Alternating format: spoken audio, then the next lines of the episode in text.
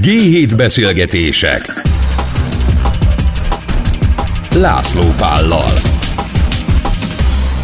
Ez itt a G7 podcastja, vendégünk pedig ma Ötvös Mihály, a Cibbank senior devizakereskedője, és abban maradtunk, hogy tegeződünk. Szervusz! Igen, köszöntöm a hallgatókat, szia! És én azzal akarom kezdeni a mai beszélgetésünket, hogy egy kicsit dumáljunk arról, hogy, hogy tulajdonképpen mi is ez a nemzetközi devizapiac, hogy mit értünk alatta, és hogy hogy néz ki ez az egész. Mert ez egy olyan, egy kicsit egy kívülállónak szerintem egy ilyen vadregényes dolog, tehát hogy hogy néz ki ez az egész piac, és mit, mit kell róla tudnunk? Igen, hát nagyon egyszerű, hogy a devizapiacnak azt a tőke vagy pénzügyi piacoknak egy részét nevezzük, ahol a különböző nemzetközi fizetőeszközöknek, a, vagy nemzeti fizetőeszközöknek a cseréje ö, folyik, egymásra váltják át ezeket a devizákat, és ö, hát ezeknek a, a tere. Ugyanakkor az elmúlt 20-25 évben olyan brutális mértékű változáson ment keresztül ez az egész piac, hogy nem lehet azt mondani, hogy egy centralizált devizapiac létezik, hanem egy, ez egy nagyon fragmentált, nagyon sok részre tagolt piacnak lehet nevezni, ahol attól függően, hogy ki mekkora játékos, megtalálja ö, általában a saját maga számára a legmegfelelőbb ö, csatornát, ahol ő a tranzakcióit le tudja bonyolítani. Milyen csatornák? Ezt hogy kell elképzelni? Hát, hogy egy pici történeti áttekintést lehet mondani, akkor, akkor talán onnan kezdeném, hogy én 95-ben kezdtem a, a szakmát, akkor gyakorlatilag a bankok voltak talán a legnagyobb játékosok, vagy legnagyobb szereplők, ezek a kereskedelmi bankok ezen a piacon. Számukra volt egy elektronikus rendszer, amit úgy hívtak, hogy Reuters Dealing rendszer, ezen keresztül tudták felhívni egymást üzletkötésre, ezen, tudta, ezen keresztül tudtak üzletkötést kezdeményezni, és attól függően, hogy kinek, kinek milyen érdeklődése volt, beírta ebbe a rendszerbe, hogy ő, ő mondjuk egy euró, bocsánat, akkor még nem is volt euró, hanem egy dollár márka tranzakciót szeretne lebonyolítani, beírta azt, hogy mondjuk 5, millió, 5 vagy 10 millió dollárt szeretne átváltani márkára, illetve sokszor hogy nem is írják be azt, hogy mi az irány, mert pont ez a devizapiacnak az egyik lényege, hogy két oldalú jegyzés folyik. Egy telekommunikációs csatornán keresztül a bankok közvetlenül egymással tudtak tra- tranzakciót kötni. Igen, ez egy ilyen viszonylag személyesebb dolog volt, nagyon sokszor. A kereskedők is ismerték egymást, még hogyha külföldi partnerrel üzletelt az ember, voltak olyan események, akár Európában, akár máshol a világon, ahol az emberek tudtak találkozni egymással, és kialakult egyfajta ilyen személyes kapcsolat is. Ez, ha jól érzem, ez mostanra teljesen eltűnt. Igen, mostanra ez most már egyre inkább változik, egyrészt a szabályozás miatt, másrészt pedig a telekommunikáció, vagy egy, egy egész digitális világnak a robbanásszerű fejlődése miatt. Később a technika változásával, a fejlődésével megjelentek az úgynevezett ajánlatpárosító, ajánlatpárosító rendszerek. Ugye ez azt jelentette, hogy már nem kellett a bankoknak egymást felhívniuk, hanem gyakorlatilag egy elektronikus felületen berakhatták az ajánlataikat, és hogyha egy ellenkező irányú ajánlat érkezett az ő ajánlatukra, akkor ez a rendszer összepárosította a, a, az üzleteket, és akkor így megszülettek az üzletet, amit aztán ugye a különböző elszámolóházak, illetve a back office-ok, azok elrendeztek, tehát a pénzügyi teljesítést azt már ők intézték. Ugye ez nagyon felgyorsította az üzletkötést, és sokkal több tranzakciót tudtak bonyolítani így a bankok, ugyanakkor a személyes jelleg az egyre inkább eltűnt ebből a rendszerből. Egyáltalán kell ez a személyes jelleg? Ö, hát ez jó kérdés, mert... Tehát te, aki ilyen régóta csinálod, neked hiányzik, szüksége, szükség van az üzlethez egy ilyen személyes találkozóra, egy ilyen mm, egyáltalán nem materiális üzletnél szükség van erre, vagy, vagy tulajdonképpen ez így jól alakult? Igen, ugye a ezek a kereskedési rendszerek, ajánlatpárosító rendszerek borzasztó személytelenek. Ami ebből nagyon hiányzik, az az információ. Márpedig a pénzügyi piacokon, tőkepiacokon az információ az gyakorlatilag pénztér. Pénztér, aranyatér, rengeteg pénztér. Nagyon sokszor, hogyha az ember jobban volt egy ö, londoni ö, ö, bankban ülő, hasonló pozícióban levő emberrel, akkor akkor sokkal mélyebb ismereteket, mélyebb ö, információt ö, tudtam kapni arról a piacról, arról a ö, szegmensről, amiben dolgoztam. Hogyha mondjuk euróforint, ugye azt kell ö, mondani, hogy az euróforintnak azért a kereskedése az ö, Tehát a nagy flókat, a nagy volumeneket külföldi bankok csinálják. Mm. Ahhoz, hogy, hogy az ember lássa azt, hogy milyen történések, milyen információk mozgatják a, a, a piacot, nagyon sokszor jó volt kommunikálni külföldi bankok üzletkötőivel, hiszen az ő mögöttük álló nagybefektetők mozgatták igazából a piacot, vagy mozgatják most is a piacot, ezért, hogyha onnan néhány információ mozsát lehetett elcsípni, akkor az embernek egy nagyobb tudása volt arról, hogy mik a, milyen folyamatok vannak a háttérben, milyen trend kezd mondjuk kialakulni a piacon, mi a befektetői szentiment, ami alapján én is a bank érdekében talán jobb döntéseket tudtam hozni. Uh-huh. Most a jelenlegi helyzetben teljesen el lett személytelenedve, a, teljesen elszemélytelenedve a kereskedés, most már tényleg az ember gyakorlatilag ö, saját kútfőre támaszkodik.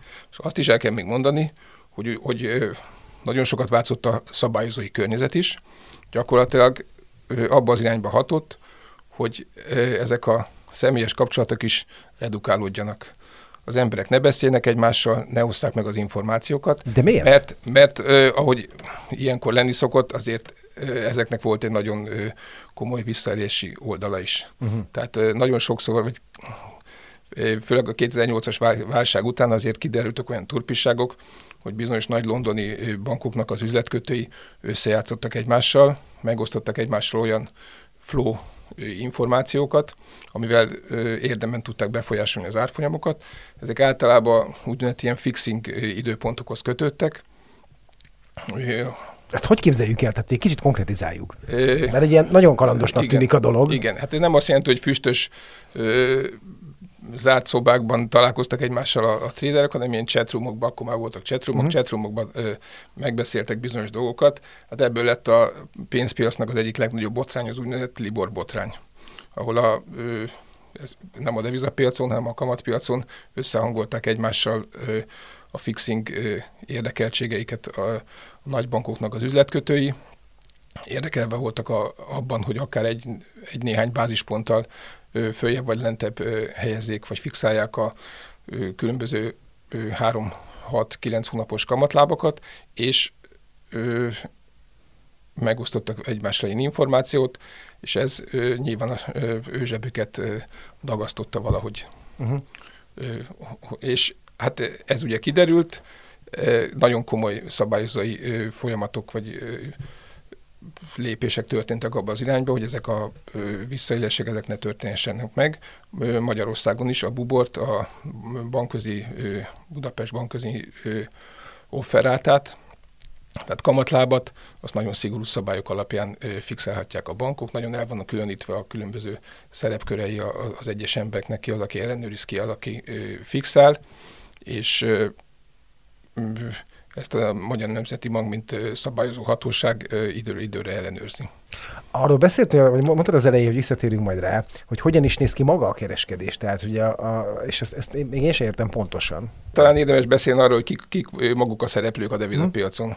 Ugye, ahogy már mondtam, talán a legfontosabb szereplők a kereskedelmi bankok, akik mögött ott állnak az ügyfelek, vállalatok, nyugdíj, nyugdíjalapok, nyugdíjpénztárak, intézménybefektetők, kisbefektetők, KKV-k, mindenki, aki gyakorlatilag valamilyen kapcsolatban van devizával, ők tranzaktálnak a bankokkal, a bankok pedig, mivel abból a üzletkötésből, amit az ügyfeleikkel folytatnak, devizakockázatuk keletkezik, ezt a devizakockázatot a devizapiacon le kell fedezniük. Uh-huh ezért mennek a devizapiacra, és ott próbálják ugye a devizakockázatot áthárítani másra. Ezt jelenti tulajdonképpen az üzletkötésnek a létrejötte, hogyha valaki ezt a devizakockázatot átveszi.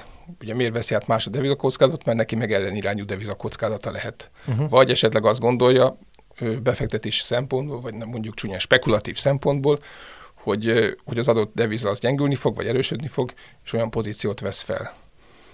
Tehát akkor már beszéltünk a korporatekről és a, vagy a vállalatokról és a bankokról. Ugye az elmúlt időszakban nagyon megnőtt a nagyon komoly befektetési alapok, nagy tűzerővel rendelkező befektetési alapok, hedge fundoknak a szerepe, akik nagyon sokszor hatalmas pénzeket nagy tőkeáttétele ö, tudnak mozgatni, és ők egyértelműen ugye spekulatív célral, pénzkeresési célral ö, lépnek a, a piacra. Ugye, ugye a vállalatokról azt lehet mondani, hogy ők azért nem azért mennek a devizapiacra, hogy, hogy nagyon sok pénzt keressenek, ők jellemzően a saját deviza kockázatukat próbálják hedgelni, fedezni, úgy próbálják a kockázati pénzügyi kockázataikat menedzselni, hogy az számukra ne, ne okozzon veszteséget. A hedge fundok egyértelműen pénzkereseti célral lépnek piacra. Nagyon fontos szereplői még az úgynevezett real money befektetők, akik valamilyen egyéb tranzakcióból származó devizakockázatokat fedezik le a devizapiacon. Ilyen lehet például, hogyha egy befektetési alap, mondjuk egy magyar befektetési alap külföldi részvényeket vásárol, akkor neki, hogyha mondjuk S&P 500-as részvényt vásárol egy befektetési alap, akkor neki dollárt kell vásárolni ahhoz, hogy rendelkezésre jön az a pénz, amiből aztán a részvényt uh-huh. megveszi. Ilyenek, ilyen money befektetők lehetnek a nyugdíjalapok, amelyek nagyon nagy tételben vásárolnak különböző külföldi kötvényeket, hogy különböző országú kötvények, és itt is gyakorlatilag a devizakockátot azt folyamatosan menedzselni kell. Akár hogyha eladják a, ezt a kötvényt, akár hogyha ö, kötvényt vásárolnak. Ha én, és beszéltünk egy korábbi podcastban egy kollégáddal erről, hogyha én egy cég vagyok, és nekem, mit tudom én, mondjuk euróban van a bevételem, de itt termelek, akkor ugye az van egy devizakockázatom. És beszéltünk arról, hogy annak idején, hogy ezt hogyan lehet ezt a devizakockázatot kisimítani. Ez, hogyha a te pozíciódat és a te szakmádat nézem, akkor ez ennek fényében hogyan néz ki? Hát ez úgy történik, hogy a, az ügyfél felkeresi a bankot, ott van egy üzletkötő, megbízott üzletkötő, vagy egy terület, akik ezzel foglalkoznak, az ügyfél tartsák a kapcsolatot, megadják neki a megfelelő termékajánlást, hogy milyen formában érdemes lefedezni a, a kockázatot, és amikor ez megtörténik, és meg tudnak állapodni abban, hogy akkor most milyen termék termékben fogja fedezni az árfolyam kockázatát az ügyfél, és az esetleg pont úgymond úgynevezett spot devizatranszakció, akkor ez a szélszes kolléga, ez megkeresi a kereskedőket. Uh-huh. És gyakorlatilag itt egy olyan fajta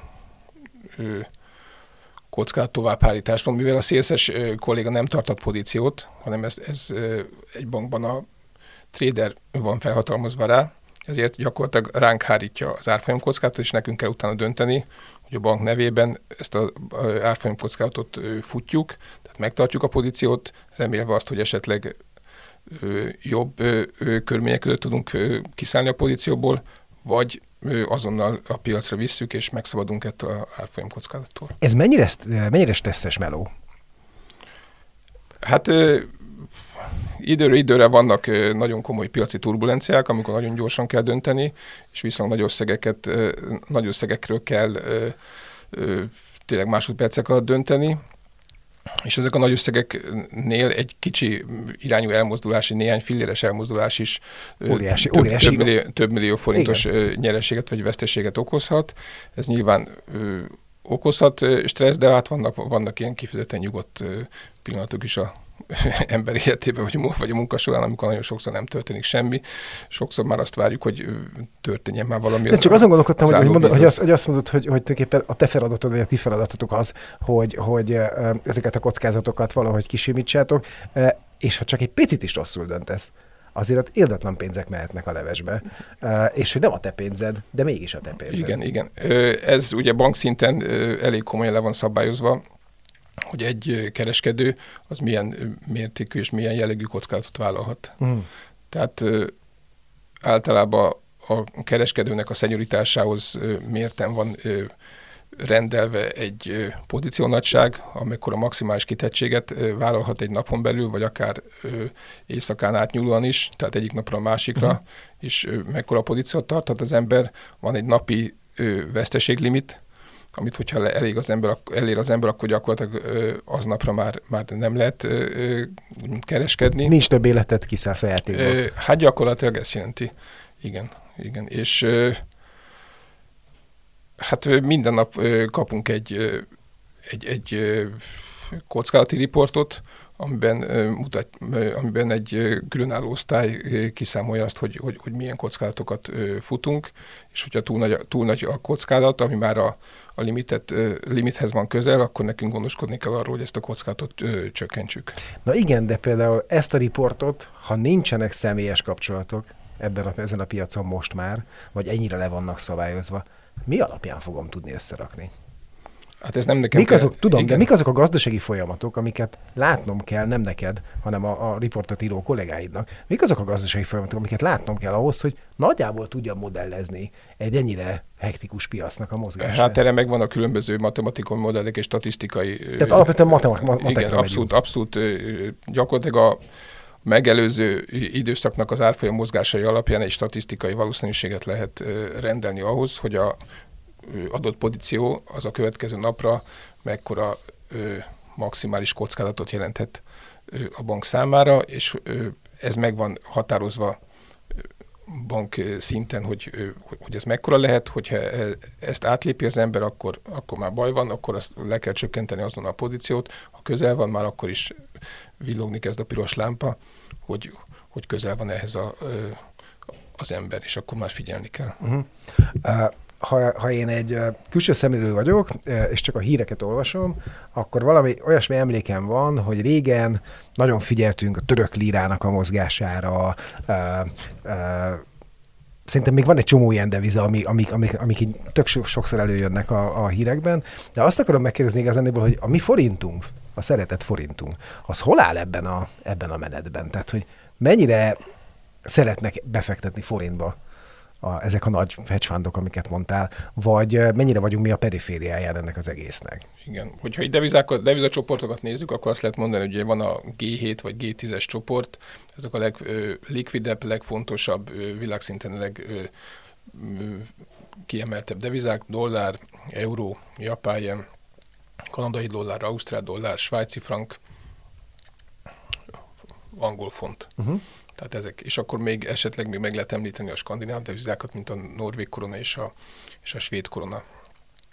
Ugye ezeket szokták G7 vagy G10-es devizáknak hívni. Itt van, ahogy mondani szokták, a legnagyobb likviditás. Tehát a leg, viszonylag kis tranzakciós költséggel lehet üzleteket kötni, nincsenek nagy spreadek a vétel és az eladási árfolyamok között. Tehát nagy különbségek, igen, nagy igen, igen, igen, a, a likviditásnak az egyik fontos tényezője, hogy, hogy ne legyen nagy spread.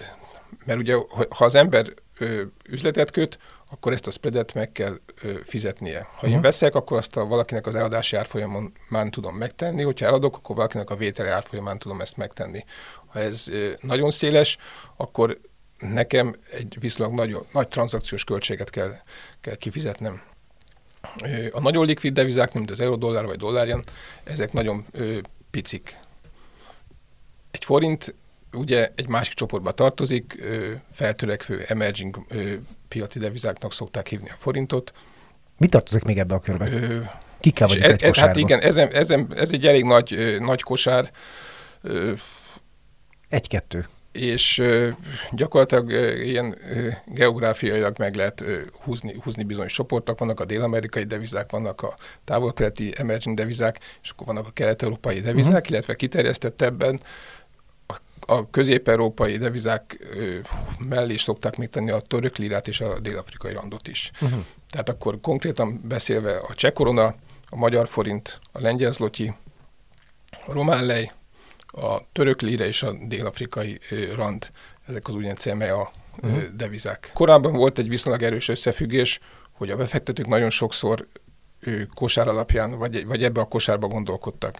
Hogyha az egyik országban történt valami ö, probléma, valamilyen turbulencia, akkor az átrakat megfertőzte a többi devizát is. Tehát, hogyha Törökországban történt valami ö, probléma, mert éppen az elnöknek ö, rossz napja volt, és beszólt a jegybanknak, akkor azt valamikor megérezte a forint is.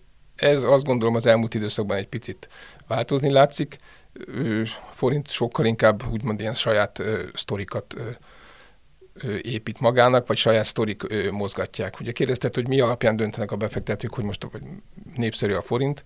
A befektetők alapvetően nagyon szeretik a történeteket. Tehát, hogy van, hogy van, van valami sztori egy adott országban, akkor az alapján trédelni, az alapján döntést hozni, hogy sortolják, ugye eladják az adott devizát, vagy longolják, befektetnek abban a devizába. Nálunk mi a sztori?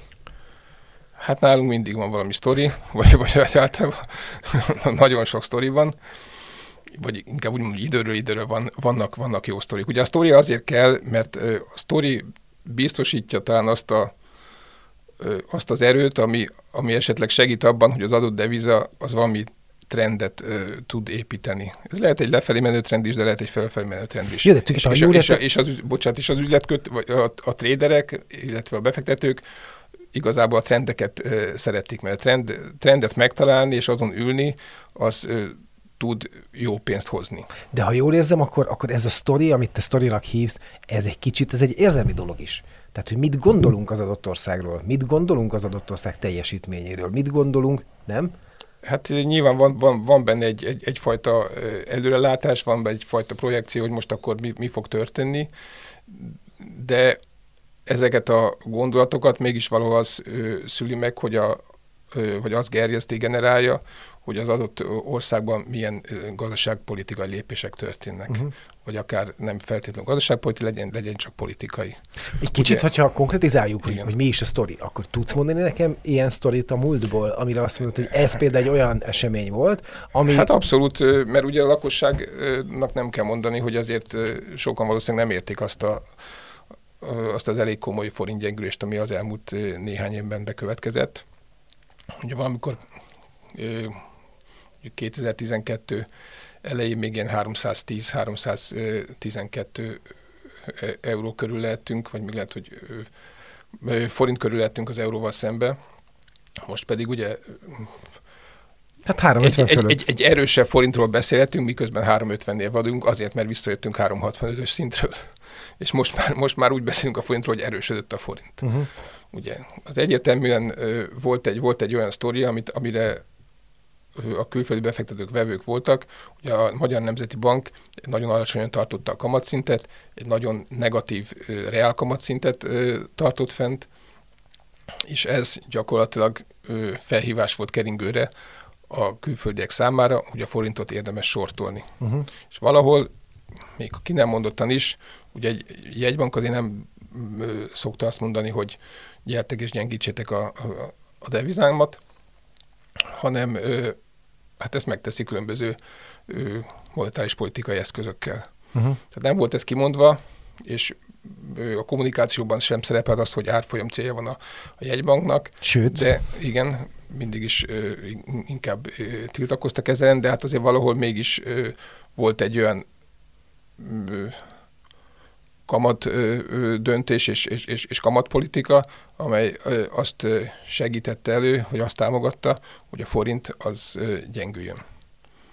Most ennek egy picit az ellenkezőjét látjuk, talán egy picit egy ilyen magas inflációnál már túlságosan zavaró az, hogy a, hogy a forint az ennyire gyenge, ezért ugye a Magyar Nemzeti Bank elkezdte a kamatemelési ciklust, az elmúlt hónapokban, és ez most már a forint árfolyamán is meglátszik.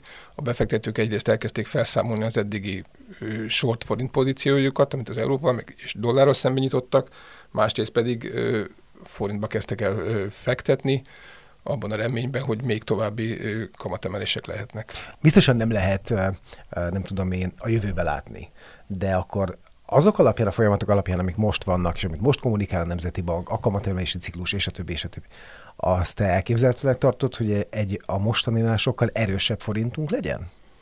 Hát belátható időn belül? Hát jó kérdés, hogy mit nevünk sokkal erősebbnek. Ugye, hogyha azt nézzük, hogy... Hát, hogyha a 3 10 ha, ha a 3 10 árfolyamot nézem, és most a 350 valamennyiset, akkor azt gondolom, hogy itt van némi mozgástér. Le, lehet-e, lehet-e, hogy megint ennél sokkal erősebb Igen.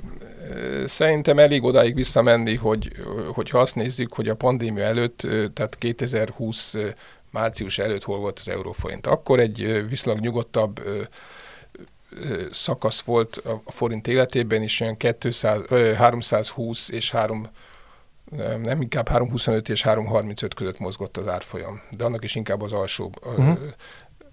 részén. És a pandémia következtében lőtt ki a forint, és ott 2020 április-májusában volt egy nagyon, ott, ott nagyon nagy emelkedése az euróforint árfolyamának. Akkor egyébként a piac teljesen szétszakadt, ott ezek a korábban említett ugyan spreadek, uh-huh. azok nagyon szétnyíltak, akkor gyakorlatilag nem volt normális piac, az árok a devizapiac, az euróforint devizapiacán gyakorlatilag van, amikor egy másfél forintos ö, lépés közel követték egymást, tehát az üzletkötések ilyen ö, széles ö, tartomány vagy széles lépésközökkel uh-huh. mozogtak, míg, miközben egyébként a nyugodt árfolyam mozgásnál, ugye ezt úgy megyek, hogy orderly market, tehát egy normál árfolyam mozgásnál néhány fillére, fillérenként vándor az árfolyam jobbra vagy balra, tehát fölfelé vagy lefelé.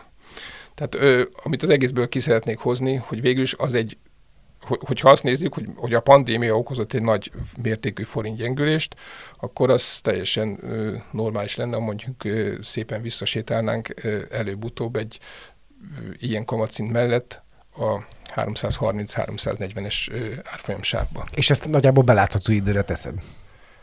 ha minden úgy alakul, tudom, hát hogy ez, ez egy kimondhatatlan igen, dolog, igen, de... Igen, igen, ez most egy elég érdekes kérdés, mert hát azért vannak itt engem nemzetközi politikai, illetve gazdasági folyamatok is. Ugye a Federal Reserve az amerikai egybank szerepét betöltő központi bank gyakorlatilag most kezd majd bele az év vége felé a eszközvásárlási program, programjának a csökkentésébe. Ez elképzelhető, hogy a hogy minden devizá, devizára hatással lesz. A, egyre még nem látszik, hogy mondjuk a forintra ez negatív hatással lenne, de ugye az eszközvásárlási program csökkentés az azt jelenti, hogy egyre kevesebb pénzt pumpál, először egyre kevesebb pénzt pumpál a Fed a ö, nemzetközi pénzpiacokba, utána pedig, amikor már leáll vele, akkor meg már nem is pumpál pénzt. Uh-huh. Illetve amikor meg elkezd ö, csökkenni a a, a balance a mérlegfőszeg a Fednek, akkor meg azt jelenti, az meg azt fog jelenteni a nemzetközi piacoknak, hogy a pénzmennyiség csökkenni fog. Tehát az elmúlt években láttunk, ugye, hogy a jegybankok brutális módon pumpálták Döntötték. bele, igen, igen. pénzt teremtettek, brutális módon nyomták bele a pénzt a, a rendszerbe. Hogyha ez a pénzcsap, ez, ez el fog záródni, hogy azért azt mondani, azt, azt hogy meg kell hogy nem csak a Federal az egyetlen ilyen pénzöntő, hanem itt van az e- Európai Központi Ma, vagy igen. akár a ö, Japán ö, Központi Ma, a Bank of Japan, de még a Bank of England is, illetve hát még azt is lehet mondani, hogy a Magyar Nemzeti Bank is, hiszen a Magyar Nemzeti Banknak is megvan a saját eszközvásárlási programja. Tehát ezek a programok, ezek, ezek abban maradnának, akkor mondanám azt, hogy egy új világ köszönt be, miközben egyébként csak valószínűleg visszatérnénk a, úgymond a normalitáshoz. Csak annyira elfejtettük már a normalitást, hogy már igazából nem is emlékszünk, nem is tudjuk elképzelni, hogy akkor mi lesz. Ugye mindenki hozzá van szokva ez a ö, bőséges likviditáshoz, ez nyomja fölfelé a különböző ö, eszközosztályoknak a, az értékét, az ingatlanok ára az egekbe ö, megy, a részvénypiacokat ö, már gyakorlatilag két éve túlértékeltnek tartják, a 2020 március-áprilisában bekövetkezett tőzsdei kicsi összeomlást gyakorlatilag pillanatok alatt megvették a befektetők, és akkor még nem is beszéltünk a, az új eszközosztályról, a kriptodevizáknak a uh-huh. szárnyalásáról, amelyet szerintem szintén valahol a bőséges pénz, pénz likviditás mozgat. Ennek az iszonyú nagy likviditásnak sokan mondják azt, hogy valahol ki kell fizetni az árát. Hát amit sokan el szoktak mondani, hogy a picit olyan lett a befektetői világ, mint, mint a drogos, aki hozzá van szokva a szerhez. Hogy nagyon nehéz erről, er, erről lejönni. És gyakorlatilag a jegybankok is saját vermüket ássak meg azzal, vagy, saját, vagy egyfajta ilyen csapdahelyzet formálódik azzal, hogy amikor ők elkezdenék kivezetni az eszközvásárlási programjaikat, akkor olyan mértékű eszközár csökkenés következhet be, ami rossz lesz a gazdaságnak, rossz lesz az embereknek, hogy akkor megint felmerül, hogy akkor valakinek lépnie kell, valakinek meg kell menteni az embereket. És amit láttunk a, gyakorlatilag a 2008-as pénz, nagy pénzügyi válság óta, hogy erre leginkább a jegybankok képesek. Ugye a jegybankok azok, amelyek lehetővé teszik azt, hogy a egyes országok fiskális vezetői egyre nagyobb mértékben bocsássanak ki állampapírt, gyakorlatilag adósságot generálva az adott ország számára, mert hogyha nem lennének jegybankok, nem lenne egy jegybanki egy eszközvásárlási program, akkor nem igazán vennék meg ezeket a, vagy egy, a, ezeknek az adós, inkább úgy mondom, hogy ezeknek az adósság papíroknak a, egy jelentős részét nem vennék meg, nem fogyna el, illetve sokkal magasabb áron menne el. Uh-huh. Ugye a jegybanki eszközvásárlási program, programoknak az egyik feladata az is, vagy cél, inkább úgy mondom célja, az is, hogy a állampapírok hozamait viszonylag elfogadható szinten tartsa. Uh-huh. Mert azzal, hogy egy jegybanki kereslet van rájuk, azzal nem emelkednek magasra. Ha, ha a állampapír hozamok azok, azok észszerű mértéken van tartva, akkor, akkor a adott országnak az adósságszolgálata az előre láthatóan nem okoz majd hosszabb távon sem gondot. Úgyhogy ezt megmondani, hogy ennek mikor lesz vége, és hogy lesz-e számla a végén? Fog, igen, valakinek, valakinek előbb-utóbb biztos, hogy fizetnie kell. Vagy, vagy, vagy, vagy nehéz lesz. Legvége, legvége, és tényleg csak néhány gondolatban beszéljünk mert kicsit arról, hogy miért van nekünk forintunk, hogy hogy állunk ebben a globális piacban, hogy te mit gondolsz arról, hogy meddig lehet még forintunk, vagy egyáltalán kell azon gondolkodnunk, hogy ne legyen forintunk? Igen, amikor talán a legnagyobb esély volt, hogy Magyarország csatlakozik az, az eurozónához, úgy, hogy magáé, tehát gyakorlatilag a forintot leváltjuk euróra, ez valóban a 2000-es éveknek a második fele volt. Onnantól kezdve olyan események történtek, hogy egyrészt ugye... Ez, a, ez, a, a, egy, a, válság, a válság előtti időszakról beszélünk. A válság előtti időszak, időszakról, igen, akkor ugye ezek az úgynevezett Maastrichti kritériumok, a, amelyek egyébként már nem is tudom kinek fontosak, mert gyakorlatilag... Senki nem tartja be őket, szerintem, mert szerintem inkább egy papírra vetett számuk, számuk csupán, akkor az, tehát a 2000-es évek első felében ez Magyarország azért nem már ismét nem tudta teljesíteni. Voltak 2000-es évek elején, vagy 90-es évek végén közel voltunk ahhoz, hogy, hogy ezt teljesítsük. Utána nem sikerült, 2008-ban pedig jött ez a nagy pénzügyi válság, amely gyakorlatilag mindent átírt. Uh-huh.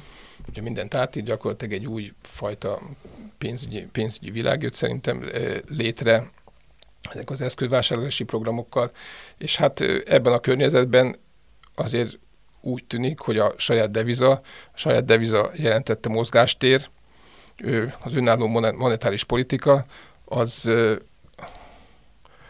az egyfajta előnyt jelent, egy országnak. Nagyon sok ország, amelyik saját ö, devizáról rendelkezett, ugye bekapcsolódott ebbe az úgynevezett currency warba, deviza háborúba, ami azt jelenti, hogy értékeljük le a devizánkat, mert ezzel tudunk versenyképességet uh-huh. javítani. Ezt egyébként még a Trump elnökség egyben is nagyon sokszor hallottuk az elnöktől, hogy a, a jegybank az ne, ne emeljen kamatot, ne akarja erősíteni a dollárt, ez is nyilván egy, egyfajta devizaháborúba való belépésnek. De ugyanezt csinálta a svájci jegybank, meg nem akarta erősebb, erősebbé tenni a svájci frankot, ezért meghúztak, meghúzták ezt az úgynevezett flort egy húsznál, még valamikor 2011 környékén, hogy ne erősödjön tovább a svájci frank. Magyarországon ugye 2013-tól gyakorlatilag mostanáig pedig kamatpolitikával és, és egyfajta szintén ilyen kvantitatív easing tehát eszközvásárlással tartották gyenge oldalon a forintot, és segítették azt, hogy a válság miatt megrendülő gazdaság az az árfolyam oldalról egy kis támogatást kapjon. Nyilván egy gazdaság számára nem csak az árfolyama az, az egyetlen paraméter, nagyon sok egyéb dolgot, hatékonyságot, termelékenységet számításba kell venni, de egy önálló devizával azért mégis van egy extra lehetőség egy országnak, hogy, hogy, hogy beavatkozzon a gazdasági folyamatokba. Tehát akkor tulajdonképpen azt mondod, hogy nekünk ez jó? És jó eséllyel még egy darabig ki is tart. Igen, ez, ez, a, ez a pozitív oldala, nyilván a negatív oldala pedig az, hogy olyan erős a, a Európai Unióval a kapcsolatunk, export-import oldalon, hogy egy nagyfokú árfolyam kockázatot, és az ezzel járó költséget az gyakorlatilag a gazdasági szereplők válláról levenne az eurónak a bevezetése. bevezetése. De azért a forintnak a léte szerintem a következő 5-8-10 évben valószínűleg még nem lesz veszélyben. Én köszönöm szépen Ötvös Mihálynak, a CIB szenior devizakereskedőjének, hogy itt volt ma velünk. Szevasztok! Köszönöm szépen!